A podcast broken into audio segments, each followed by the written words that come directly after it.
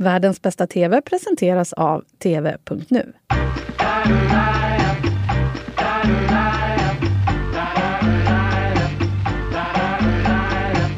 Hej och varmt välkommen till Världens bästa TV.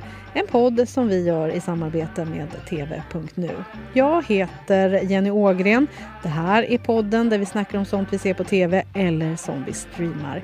Och vill du höra mer, se till att följa oss i din poddspelare. Och I det här avsnittet så ska vi ta ett litet, litet grepp kring det riktigt stora ämnet kostymdrama. Vi har förälskat oss i brittiska miljöer och fantastiska kreationer. Vad utmärker ett bra kostymdrama? Vilka är våra favoriter? Och kan man kalla Game of Thrones för kostymdrama? Det här snackar jag om tillsammans med Sandra Weibro som är tv-skribent här på Aftonbladet. Välkommen hit! Tack så jättemycket! Det här med kostymdrama är ju extremt stort eh, och vi ska försöka eh, hålla det på en form av nivå. Men vilken är din absoluta favorit bland kostymdrama? Ja, alltså den som jag har sett allra mest det är ju en eh, stor klassiker, Brideshead Revisited, som heter En förlorad värld på svenska. Som kom redan 1981 och som innebar liksom en, ja, att det blev en ny revival för liksom, så brittisk kostymdrama med liksom, stora gods och gårdar och fina kläder och liksom nostalgi. Och det var med Jeremy Irons och eh, Anthony Andrews, eller hur? Ja, precis. Uh, Jeremy Irons spelar Charles Ryder som kommer till det här godset Brideshead där uh, Sebastian Flight och hans syster Julia bor. Uh, Sebastian spelas ju av Anthony Andrews. Så det blir någon slags jag vet inte, någon slags, eh, vad ska man säga, homoerotiskt drama där. Why is this house called a castle? Because it used to be one. Till they moved it. What can you mean? Just that. It used to be a castle about a mile away down by the village. And when they took a fancy to the valley, they pulled the castle down, cast it stone by stone up here, and built a new house. I'm rather glad they did, aren't you? If it was mine, I couldn't live anywhere else. Men såg du den här när du var liten? Eh, nej, det gjorde jag faktiskt inte, utan jag har sett den på senare år. Eh, det var lite för tidigt för mig då när den kom. Eh, men eh, den är, jag vet inte, det är en sån där som man, man liksom förälskar sig i stämningen och liksom vill komma tillbaka till den om och om igen. Och det var ju lite grann också, alltså, Evelyn Waugh, han som skrev boken, han var ju också en sån här nostalgiker liksom. Så redan då när nutiden där är ju liksom andra världskrig och redan då är det liksom ja, han ser tillbaka på den här förlorade tiden med liksom när adeln var adel och den är ju väldigt konservativ på det sättet. Vad finns det mer i den som du tycker så mycket om?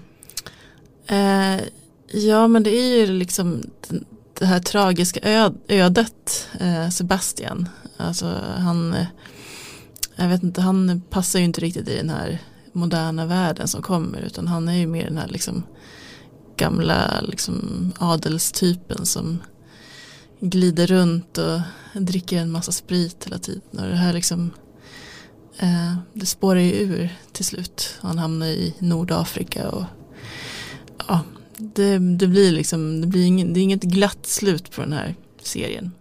Nej, och det är ju så här med kostymdraman, det kan vara antingen glada slut eller inte glada slut. Alltså det är ju det är så brett hur det kan sluta. Liksom. Ja, exakt. Det finns ju liksom eh, Stolthet och fördom också som ju var den stora liksom, klassikern från 90-talet. Mm, den som kom 1995, ja. det är också min absoluta favorit. Det är svårt att inte ha den som favorit när Colin Firth som Mr Darcy liksom slår igenom med dunder och brak och han kommer väl aldrig kunna bli av med den, den titeln liksom. Mr Darcy, det är ju han. Ja precis och det blev liksom också en inspiration till Bridget Jones sen. Där han ju också spelade en Darcy. Jätteroligt. Figur. Det blev liksom, exakt. Och det blev ju liksom en så här eh, ja men typ en arketyp för den här typen av serie liksom med den här mörka, liksom lite buttre eh, mannen som ju blir någon slags sexsymbol som alla vill ha. Ja, och det var ju så här den här scenen, jag vet att du minns den, när han dyker i vattnet och kliver upp med kläder på, jättekonstigt, men ändå man bara wow. Ja, Mr Darcy. exakt. Mr. Darcy? Miss Bennett. I. Uh, I did not expect to see you, sir. We understood all the family were from home, or we should never have presumed. I returned a day early. Excuse me, your parents are in good health. Uh, yes, they are very well. Uh, thank you, sir. I'm glad to hear it. How long have you been in this part of the country? But two days, sir. And where are you staying? At the inn at Lambton? Oh, yes, of course. Hmm. Well, I'm, I'm just arrived myself. And your parents are in good health? And, and all your sisters? yes.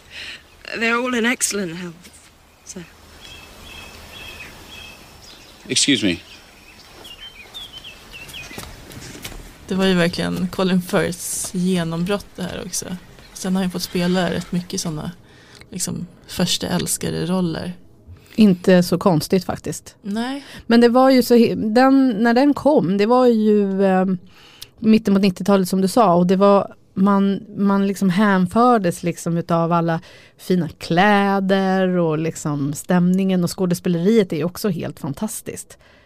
Det, den är helt underbar på något sätt. För den slutar ju ganska lyckligt ändå för de flesta. precis. Eh, och just liksom Jane Austens eh, tematik passar ju extremt bra liksom för det här. Att det är, liksom, det är mycket eh, känslor som bubblar under hela tiden och det är det folk älskar, liksom den här romantiken och eh, jag vet inte om man ska liksom föraktfullt kalla det tantsnusk ibland. ja det kan man säga.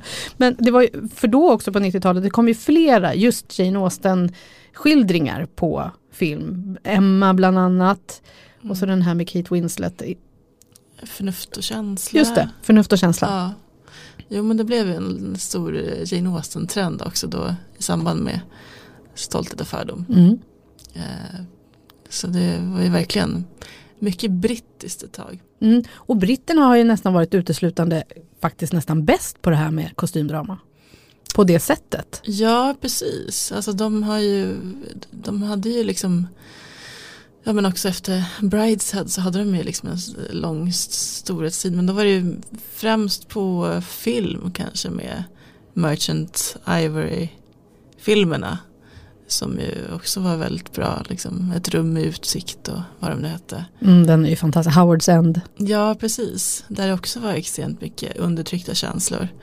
Eh, vilket ju är liksom, det är kul att se det nu i, nu i backspegeln när man vet liksom att ja men eh, Ismail Merchant som var producenten och James Ivory som var liksom regissören att de levde ju ihop i typ 40-50 år liksom privat också. Eh, och det finns ju mycket sådana liksom lite vad ska man säga, både liksom öppna och undertryckta liksom gay-teman i många av de här filmerna. Eh, en av deras bästa filmer är ju Maurice som ju är liksom där Hugh Grant spelar en, eh, ja, en av personerna i liksom ett homosexuellt förhållande liksom som, som ju kanske inte riktigt passade. Den kanske var lite för tidig liksom, men som man kan se nu och som fortfarande är fruktansvärt bra. Ja för det är väl det jag tänker som är i en förlorad värld, den här homoerotiska känslan som finns i den filmen. Att det är redan på 80-talet, för att det, var ju inte, man såg nästan i stort sett ingenting då eh, med homosexuella med i serierna. Eller på Nej, film. Nej, och det passar ju just för att det är liksom så, så mycket undertryckta grejer, liksom att det är så mycket eh, ja, men en fin yta som man eh, håller upp samtidigt som det pågår en massa annat därunder. Och jag tänker så här som ung, ung tjej när man ser alla de här eh, till exempel Jane Austen-filmerna eller serierna så är det ju Ja man får ju en helt annan bild av hur kär, kärleken är mot vad den faktiskt är i verkligheten. Så det blir ett litet uppvaknande ändå. När man kommer ut i verkligheten. Ja, precis. Alltså, då, I verkligheten så kanske eh, Mr Darcy egentligen är en riktig tråkboll. Ja, faktiskt. Ja, så det kan ju komma som en chock. Men det kan vi informera om att det ofta är så. Det är, livet är inte som det är i kostymdraman, även om vi älskar att hänföra oss åt dem. Ehm, hur tycker du att eh, kostymdramat har förändrats genom tiderna? Eh, alltså det har ju blivit mer liksom på senare år så har det blivit mer liksom moderna teman. Eh, på senare, det senaste året så har det ju kommit flera eh, både liksom filmen The Favourite och även den här serien Gentleman Jack som ju har ett lesbiskt tema. Eh, där är liksom, de börjar liksom lyfta upp andra sidor av liksom, eh, historien. Eh, och lyfta upp kvinnoöden. Och, eh, så det, på det sättet märker man ju liksom att man ja, följer med tiden. Och det blir liksom lite mer liksom kreativa eh, berättelser och så. Det är inte den här liksom jag tror inte, det är nog svårt att göra den här liksom tall dark stranger liksom grejen nu för tiden. Liksom. Miss Darcy, det har vi gjort, liksom, det gjorde vi på 90-talet. Ja, det skulle, det skulle kännas lite konstigt kanske nu. Mm. Även om det finns fortfarande den typen av kostymdraman. Men just The Favourite, det är ju um, den är så himla speciell eftersom den också är, visar inte en så gulligullig variant liksom av den här drottningen. Och hon är ju ganska hård mot båda de här två kvinnorna som aspirerar på hennes kärlek. Ja precis och det är mycket liksom så fysiska problem och det är liksom rätt äckligt allting. Ja. Det, är, det är liksom inget, jag vet inte, det är, ingen, det är inte den här fina, fina bilden liksom av, av de här personerna som man lyfter fram. Och det tycker jag är rätt härligt. Dearest Queen, you are mad. Giving me a palace. It is a monstrous extravagance, Mrs. Molly. We are at war. We won! Oh, it is not over. We must continue. Oh. Oh, I did not know that. The Queen is an extraordinary person.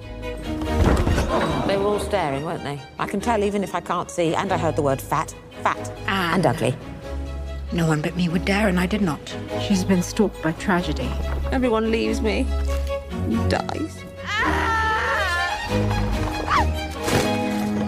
Det är kul att se faktiskt en annan, en annan typ. För, för både dig och mig som också då har varit med om hela Jane Austen-eran. Om kostymerna är ju oerhört viktiga i ett kostymdrama. Och eh, The Favourite eh, bland annat Eh, och många andra vinner ju också mycket priser för, för att det är så fantastiska kläder. Hur viktigt är kläderna?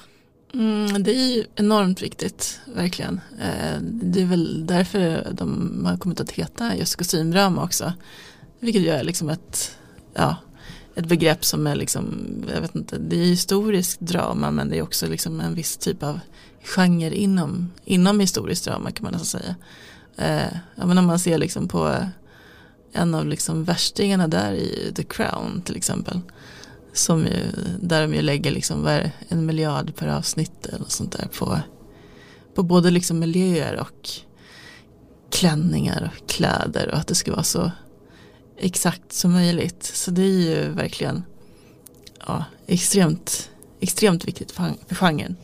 Ja, alltså The Crown nu kommer vi äntligen in på The Crown för det är mm. ju en fantastisk serie som nu har rullat i två säsonger med Claire Foy i huvudrollen som Queen Elizabeth den andra i eh, Storbritannien. Varför tror du att The Crown har blivit en sån supersuccé? Ja, den är ju väldigt bra, alltså väldigt bra skriven och de, de lyckas liksom hitta drama i även de små liksom, händelserna. Eh, men sen är det nog liksom det här maffiga liksom. Och sen också att det finns en stor nyfikenhet just kring det brittiska kungahuset och liksom deras, deras liv liksom där bakom de här. Eh, för de, de är ju liksom ett av få stora kungahus som fortfarande liksom lever i någon slags bubbla mer. Man tänker om svensk, det svenska kungahuset hade nog inte blivit lika liksom raffigt kanske för att de, de är ju mer liksom mer av folket även om de också liksom inte är det. Så, så i liksom brittiska kungahuset har ju liksom en ja, högre liksom en högre nivå av ja, vad ska man säga ra, eh, raff. Ja, men alltså att det är mer spännande. Ja, exakt. Och att de är, så, de är ju väldigt hemliga även fast Mm. de fortfarande visar sig ut och vinkar sådär. Men jag, jag tror att det är så att eh, Elisabeth aldrig har gett någon intervju någonsin. Nej, precis. Så att jag menar därför blir det ju också så oerhört spännande att se hur började deras liv och med hennes pappa som gick bort och hennes farbror som inte ville liksom ta över tronen och just också att det är faktiskt på riktigt. Det är ju inte en Jane Austen-roman som vi tittar på utan det är ju verkligen, det här har hänt i deras liv. You my wife or my queen? I am both, and a strong man will be able to kneel to I will both. not kneel before my wife. Your wife is not asking you But to. my queen commands me. Yes. I beg you make an exception for me. No. What kind of marriage is this? What kind of family? I need to speak to my sister. Now! I am aware that I'm surrounded by people who feel that they could do the job better. Strong people with powerful characters. But for better or worse, the crown has landed on my head. Sen är det så här, det är ju intressant att veta så här, hur mycket konverserade de eller hur mycket av det som de pratar om skulle kunna vara riktigt. Ja, den är ju väl researchad.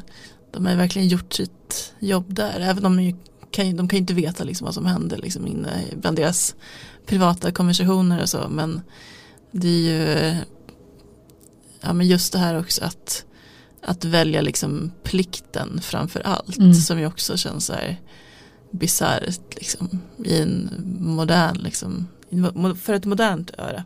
Ja, och just också tragiskt för att de inte får gifta sig med vem de vill och det blir ju sånt rabalder liksom när hennes farbror gifter sig med någon kvinna som är skild sedan tidigare och sådär. Exakt, att man verkligen kunde liksom kastas ut då. Mm. Och jag tycker också så att det har varit väldigt mycket att man vill googla direkt efter man har sett ett avsnitt för att se just de här, kommer du ihåg det avsnittet när det var en hel del nazistkopplingar? Mm. Så var man så här, va? Var det så här? Exakt. Det kanske jag borde veta men eh, då blir man ju väldigt intresserad. Men Claire Foy har ju som sagt spelat nu två första säsongerna. Nu har hon pensionerat sig från The Crown. Precis. Och vem är det som tar över? Ja, exakt. Ingen mindre än Olivia Colman då. Ja, en vi- annan drottning. En annan drottning som vi såg då i The Favourite och som hon ju också vann en Oscar för. Precis. Vad tror du? Hur kommer The Crown bli nu? Med Mm. helt nya skådisar? Ja, alltså jag, jag tror ju att det kommer bli bra med henne också. Alltså hon är ju en fantastisk skådespelare så att är det någon som ska ha den rollen så är det ju hon. Eh, och det blir liksom intressant att komma in mer på det de har snuddat lite vid tidigare, liksom, alltså prins Charles och eh, allt runt honom, liksom, eh, hans historier där. Eh, så att det ser jag verkligen fram emot. Verkligen. Och just också att nu förhoppningsvis i tredje säsongen att vi även får träffa Diana. Exakt. Och se hela den historien Ja. och vem, hur, hur skådisen som kommer porträttera henne kommer göra den för att det är ju en väldigt spännande historia. Ja, och dramat med Camilla Parker Bowles. Ah. Och sen så här hur de, precis som vi pratade om med kostymerna, tänk dig nu när de ska liksom göra deras bröllop med hennes fantastiska klänning som hon hade när de gifte sig. Ja, Gräddbakelsen. precis. Mm. Det ska bli väldigt spännande. Så du, men den kommer någon gång under hösten 2019. Ja, jag tror det. Det är väl det de har sagt. Det har dragit ut lite på tiden. Men det är lite också för att man ska låta det gå en liten stund eftersom man har bytt cast. Precis. Mm.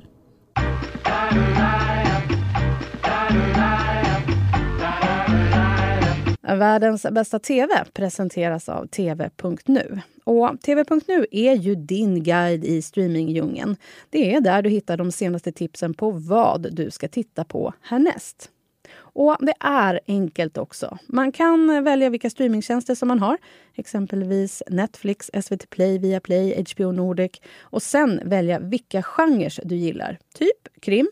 Och så visar TV.nu allt innehåll som passar dig rankat med de ack så viktiga IMDB-betygen. Självklart kan man också söka på sin favoritskådis för att hitta serier eller filmer som den är med i. TV.nu håller allting samlat vilket gör att du slipper lägga tid på att leta runt på flera olika streamingtjänster. En annan brittisk eh, stor, stor eh, kostymdrama är ju Downton Abbey. Exakt. Vad tänkte du när, du började, när den började rulla? Eh, den är också väldigt så här, det är lite grann som att bara stoppa huvudet i en godisskål. Liksom. alltså, Ja. Det är mycket av allt, liksom. det, är inte, det är inte den här liksom, realistiska skildringen direkt utan det är ju verkligen en såpa. Eh, men det kan ju vara härligt det också. Ibland. Eh, så att, jag vet inte, vad tyckte du om den? Alltså jag blev ju förälskad i den från första början. Men det är också för att jag älskar allting som kommer från Storbritannien eh, och allt det där brittiska. Och just att man fick se eh, att man fick komma så nära både eh, downstairs och upstairs. Liksom. Att man fick följa båda ödena och att man verkligen fick favoriter på båda våningarna. Liksom. Att man gillade både den, en där och en där. Och fick följa verkligen, för det är ju extremt mycket såpa-intriger i Downton Abbey. Ja, Som man, verkligen. som man så sitter och gnuggar händerna lite i. Ja och det är ju en klassiker det här just att skildra både upstairs och Mm. downstairs. Eh, som ju de till och med har liksom gjort en serie som heter det liksom från 80-talet. Just det. Eh, och det, det är en spännande liksom, vad ska man säga, ett spännande samspel, en spännande konflikt. Mm. Ser man också liksom, eh, man kan se liksom i svenska serier som typ Rederiet. Där vi har liksom de på kontoret och sen de som jobbar nere i Maskin. maskinen.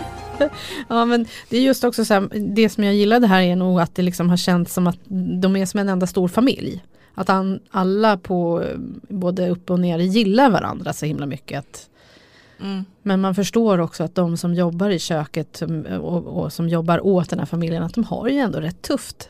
Precis, och det är väl där också som eh, alltså han skaparen Julian Fellows har ju fått lite kritik där för att, ja, men för att han framställer det för idylliskt. Mm. Att det kanske inte var så kul liksom, där i köket eller liksom att vara en betjänt åt en sån här godsherre. Han är ju lite liksom eh, också lite jag vet inte, han, han gillar ju sitt, sin, sitt, sin pompa och ståt och sina gods och Verkligen. herrgårdar den här Mm. Fellows. Eh, och han är ju på G med liksom flera serier nu. Först, först kommer det ju en eh, serie som heter The Gilded Age tror jag den heter, Mhm. som kommer Mm. till HBO Nordic nu. Jag vet inte om det är redan, redan i år. Eh, som ju handlar om eh, societeten i New York i slutet av 1800-talet. Och så gamla och nya pengar och den konflikten. Och sen kommer någon som heter Belgravia som han typ har börjat jobba med nu som handlar om eh, 1800-talets London och ja, rika där. Mm. Så Det är han, har ju, han har ju sin grej kan man säga. Ja precis, Belgravia är ju ett av de finare områdena Precis. där i London. Exakt. Men jag tänkte på det som också kommer då från Downtown Abbey. Det är alltså fyra år sedan sista säsongen kom. Den kom ju sex säsonger. Det var ju miljontals tittare över världen runt. Och nu kommer en film i höst. The post's just arrived, my lord. Heavens. What is it? The king and queen are coming to stay. What? Here we go. A royal luncheon, a parade, and a dinner. I'm going to have to sit down. I am the King's butler. We have come to Downton in advance of their majesties. The royal butler's terribly scary. Well, stay out of our way. I am their majesty's chef. I want the olive oil now. He wants a clip round the ear now. I need your help, Carson. I'll be there in the morning, my lady. Vi har bara sett en liten trailer. Allt verkar hända. Ja. Som har hänt tidigare. Ja, precis. Alltså att eh, olika liksom, relationer hit och dit. Och, eh, alltså ramhistorien verkar ju vara att det kommer kungligheter till slottet. Vilket ju känns lite grann som att okej, ni har kollat på The Crown och ser hur poppis den har blivit så nu ska vi dra dit några kungar eller drottningar liksom. Så att ja, vi får väl se. Det ska bli spännande att se vilka royalties det är som kommer till Downton. Ja, precis. Om man ser liksom när det utspelar sig liksom, så borde det kanske vara någon kung om det är typ 20-30-tal kanske. Där någonstans borde det vara för jag tror att det Mm. slutade strax innan 30-talet där. Mm, precis. Ja. Mm. Så det ser vi ju fram emot lite. Det finns, jag, när man ser trailern så ser det ut som om alla är med. Det är ingen som har tackat nej och sagt så här, jag tänker inte vara med. Och det viktigaste tycker jag ju är att Maggie Smith är med. Exakt. Det är ju hon som gör serien ändå med sina bitska repliker. Verkligen. Jag, jag vet inte om jag hade gillat den lika mycket utan henne. För hon är ändå, Nej, Ja. alltså det är en fröjd att sitta och titta på ihopklipp Mm. eh, av hennes eh, repliker på Youtube. I'm so looking forward to seeing your mother again. When I'm with her, I'm reminded of the virtues of the English. But isn't she American? Exactly. No Englishman would dream of dying in someone else's house. Especially someone they didn't even know. det är lite kul också. Jag såg henne i, när, hon brukar liksom inte göra så mycket intervjuer eller sånt. Men hon var med i Graham Norton show någon gång. När hon pratade om att hon, eh, hon hade ju aldrig sett Downton Abbey själv liksom. Hon verkade helt ointresserad av allt det där. Gud vad roligt. Ja. Det är så roligt när de, när de berättar sådana saker. Mm. Okej, så i höst har ni det att se fram emot alla ni som älskar Downton Abbey. Om vi kliver i, Storbritannien, ja de är ju ledande i detta, men hur klarar sig vi här i Sverige? Vad tycker du Sandra? Eh, ja, alltså, jo det, det, det blir alltid lite liksom, mindre kostymer om man säger så. Mm. Men det finns ju ändå liksom, de som görs blir ju ofta liksom väldigt folkkära. Alltså typ Fröken Frimans krig var ju rätt härlig. Den var fantastisk. Med så här 1900-tal, början av 1900-talets liksom, ja, kostymer och så. Eh, Det är en historielektion också tycker jag. Mm. Väldigt bra, tycker att man nästan borde visa den i skolan. ja, exakt. Eh, Vår tid är nu, nu har ju liksom varit väldigt populär. Mm. Den är också lite liksom Downton Abbey-såpig. Eh, Väldigt lik faktiskt. Mm. Så eh, det finns ju liksom en del. Men eh, man hade ju velat se någon riktigt så stor eh, maffig så här, historisk skildring. Det vore jättehäftigt. Ja. Nu pitchar vi det här. Kom ja, igen, precis. skapa det. Ja, exakt. Undrar vilken era man skulle vilja se då om det är typ De har ju försökt sig på liksom Gustav den tredje Mm. och sånt där men Jag vet inte det Ja, finns det något? Vi funderar ut någonting Ja, tycker jag. precis. Och så, men det, det man inte får glömma att säga här kanske är Fanny och Alexander. Super, super, eh, superdramat av Ingmar Exakt, Bergman. Exakt. Ja. Som är ju också så här, just rent kostymmässigt helt fantastisk. Mm. Verkligen. Som ju har liksom blivit någon slags bild av hur folk tänker sig julfirande. Mm. Mm. Ja, Bergmanska julen, eller vill man Ja, ha den nu? Ja, men, och, och Vår tid är nu kommer ju med fler säsonger så det blir spännande att följa den serien också och se hur den utvecklas. För det är ju också så här det vi pratar om, så här, för Vår tid är nu visserligen utspelar sig i den en, en bit bak i tiden men ändå inte så himla länge så det är ju inte så mycket kostymer på det sättet. Nej. Men när vi pratade här lite innan så nämnde vi också eh, filmer eller serier som Mad Men Mm. och The Americans. Precis. Stranger Things sa du också. Ja, så det finns ju, det här gen- eh, genren är så himla bred. Exakt, det är ju liksom serier som det, det kanske liksom inte är det klassiska kostymdrama men det är ändå liksom där där just liksom outfitsen och miljöerna är en så stor del Mm. av skildringen liksom. Hela det här 80-talsmiljön i Stranger Things kan man ju ändå säga liksom att det är liksom ja, Den är- något slags kostymdrama. Ja, och ehm, Sandra, vi vet ju, ni som lyssnar på den här podden kanske har hört Sandra även i Tronspelet, den podden som handlar om Game of Thrones. Kan man kalla Game of Thrones för ett kostymdrama?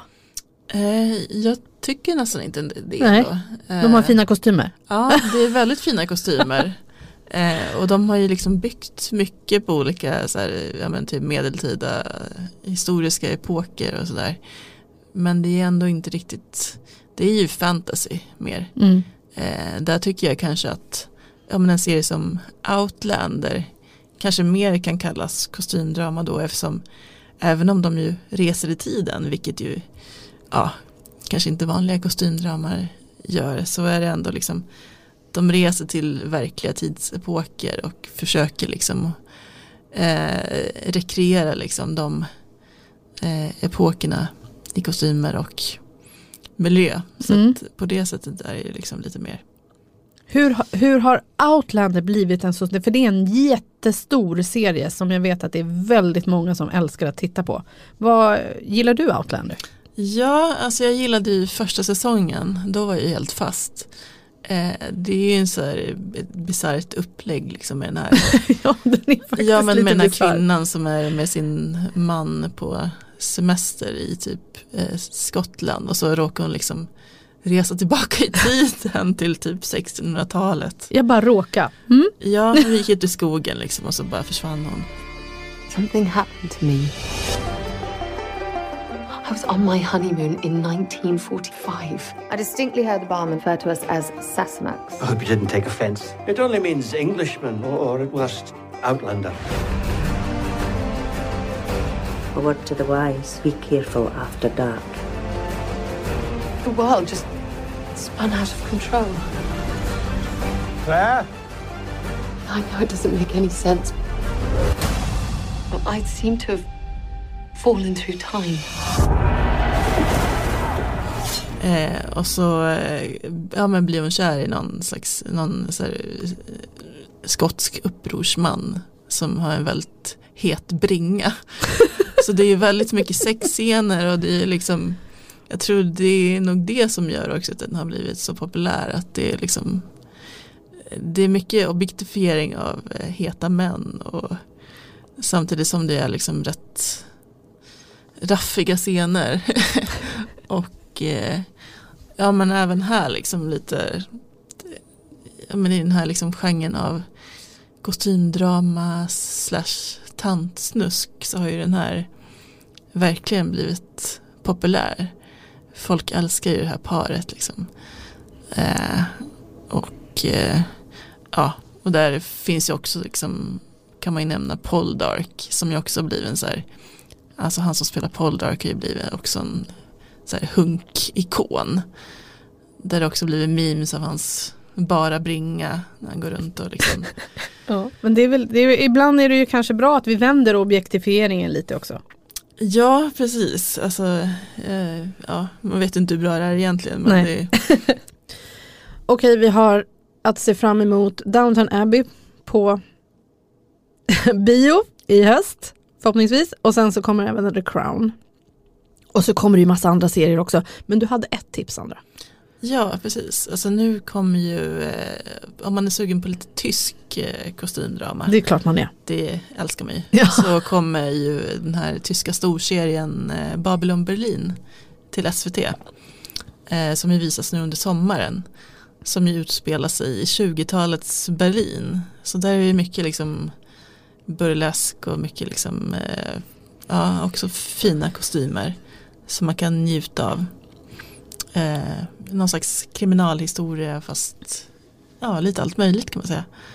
Så, eh, Spännande. Ja, verkligen. Bra och tillgängligt på SVT alltså. Precis.